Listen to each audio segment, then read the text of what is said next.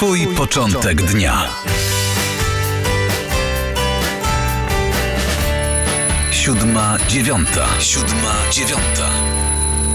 A teraz, e, proszę Państwa, porozmawiamy o muzyce w naszej porannej audycji, bo Muzyki jest e, dużo u nas, e, dobrej muzyki.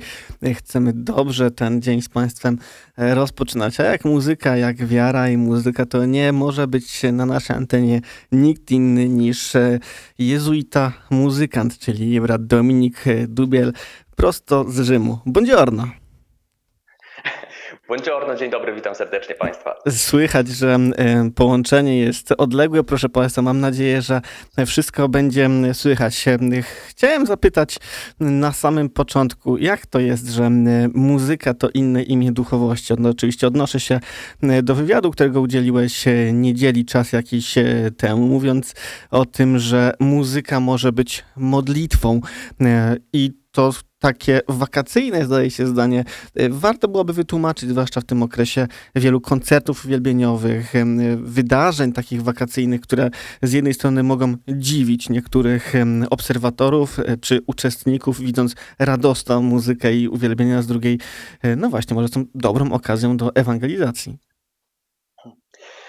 Mm, tak, myślę, że znaczy to zdanie to jest oczywiście taki trochę, trochę bonmot, że muzyka jest innym imieniem duchowości, jednak szczerze, szczerze wierzę, iż one rodzą się dokładnie w tym samym miejscu, zarówno muzyka, jak i, jak i duchowość, czyli tak naprawdę w sercu, którego dotknęła miłość, w sercu, które jest przepełnione takim nadmiarem. I to jest doświadczenie, które potrzebuje jakoś, jakoś wyjść na zewnątrz. Więc z jednej strony rozwijamy różne formy duchowości, z drugiej strony tworzymy muzykę. To wystarczy porozmawiać z jakimkolwiek muzykiem, niekoniecznie chrześcijańskim, ale zapytać go, dlaczego tworzy muzykę. No, no, nie da się odpowiedzieć. Nie da się odpowiedzieć, bo to jest coś, co po prostu żyje w sercu.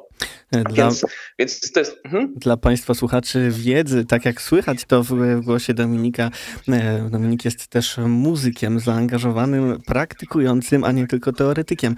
E, ale mam takie wrażenie, że e, no, oczywiście każda pasja rodzi się z serca, także ta pasja e, muzyczna, ale czasami mamy też do czynienia z czymś, co zwykło się nazywać w mediach społecznościowych e, rodzajem katolipy, e, to znaczy pewnych kiepskich wykonań też muzycznych, które chyba mogą w jakiś sposób bardziej zniechęcać. Sam ostatnio byłem świadkiem takiego wydarzenia, niż zachęcać do poznawania Pana Boga i do ewangelizacji. Masz jakieś złote wskazówki, złote rady, jak e, poprzez muzykę dobrze ewangelizować?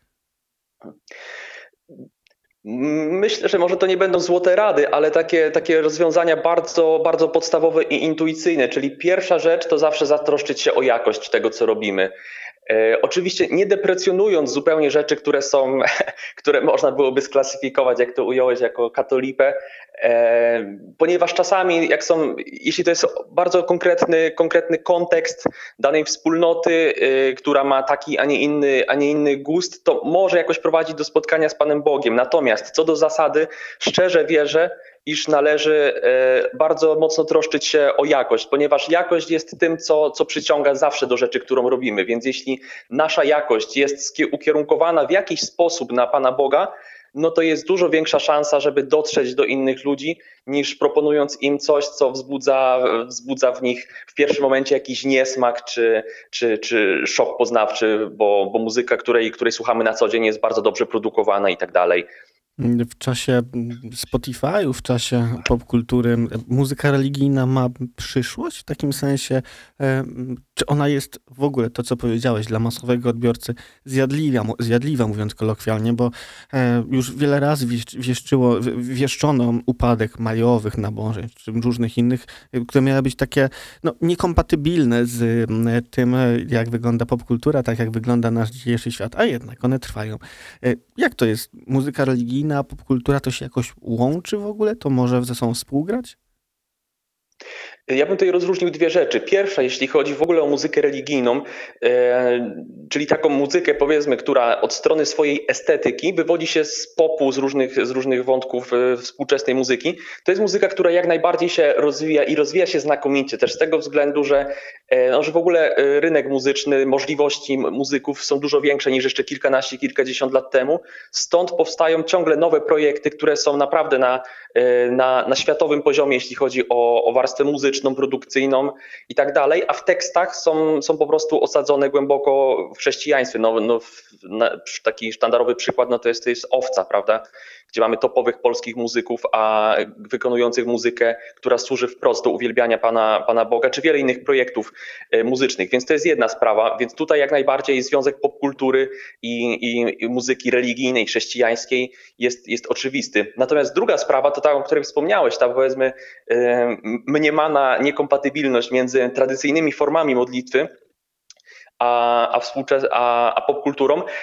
No i tutaj znowu, ja myślę, że oczywiście nie, nie, nie, nie robiąc jakiejś tutaj idolatrii względem tych nabożeństw, jak, jak majowe czy jak, jak gorzkie żale, to myślę, że jednak warto zobaczyć to, że ogólnie w popkulturze mamy taki trend powrotów do, do, do tradycji. E, wydawanie e, muzyki na winylach, na kasetach magnetofonowych i tak dalej, plus y, popularność tych wszystkich festiwali, jak nie wiem, jak wszystkie, wszystkie Mazurki Świata, Rozstaje i tak dalej.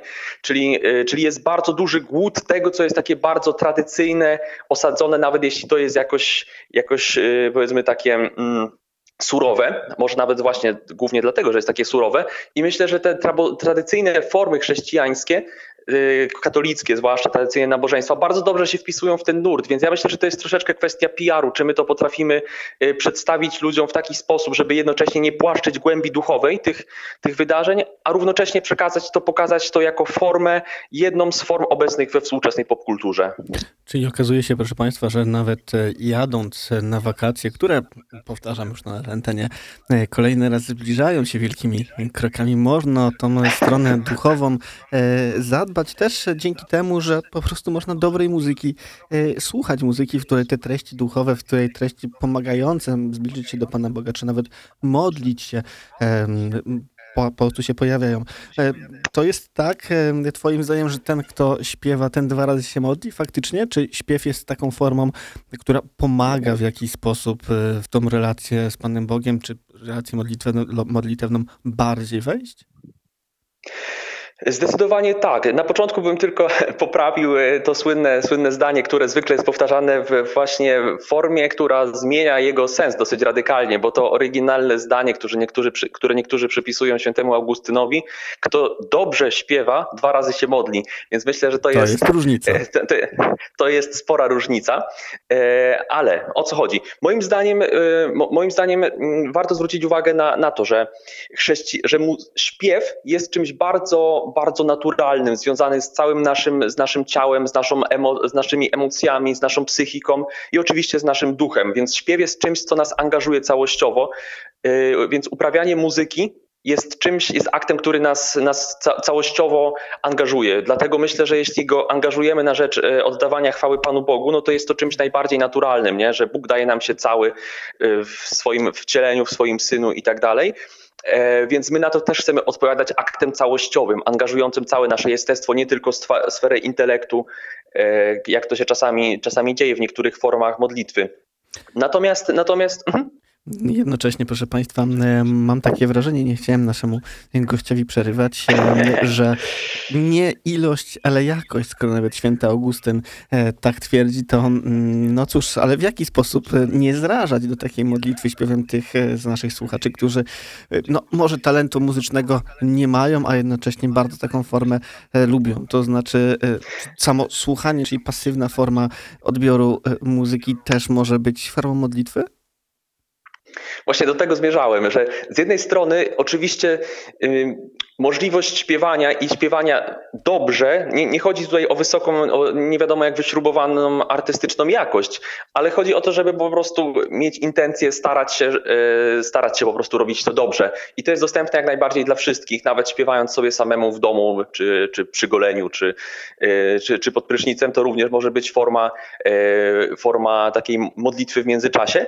Natomiast jeśli chodzi o słuchanie, no to, to jest oczywiście tutaj się otwiera całe, całe morze, morze zagadnień, ale ja bym powiedział tylko takie, takie dwa elementy, że z jednej strony mamy muzykę, która jest właśnie, ma, ma treści stricte chrześcijańskie, więc ta muzyka pomaga nam te treści po prostu zinterioryzować, czyli ta muzyka sakralna, zarówno ta uwielbieniowa, o której mówiliśmy, jak i cała tradycja muzyki sakralnej, która jest, e, która sięga, sięga korzeniami oczywiście z czasów starożytnych i przez całą historię muzyki idąc, a z drugiej strony mamy właśnie muzykę, która, e, która niekoniecznie musi być zorientowana e, wprost w sposób chrześcijański, w tym sensie, że nie musi mieć tekstu chrześcijańskiego albo tytułu, który, który sugeruje modlitwę, Natomiast nie mamy wątpliwości, słuchając tej muzyki, że ta muzyka prowadzi nas gdzieś dalej, że, że ta muzyka porusza nasze serce, sprawia, że nasze serce zaczyna, zaczyna bić mocniej, zaczyna wibrować. Więc jeśli, jeśli zaczyna nasze serce żyć, a mamy jedno serce, no to prędzej czy później to doświadczenie również prowadzi nas do Pana Boga. I tym akcentem, proszę Państwa, naszą poranną rozmowę z Dominikiem Dubielem prosto Rzymu zakończyć musimy. No i cóż, chyba wypada Dominiku zachęcić naszych słuchaczy do tego, żeby szukać, żeby te poszukiwania muzyczne modlitewno-duchowe po prostu też prowadzić samemu.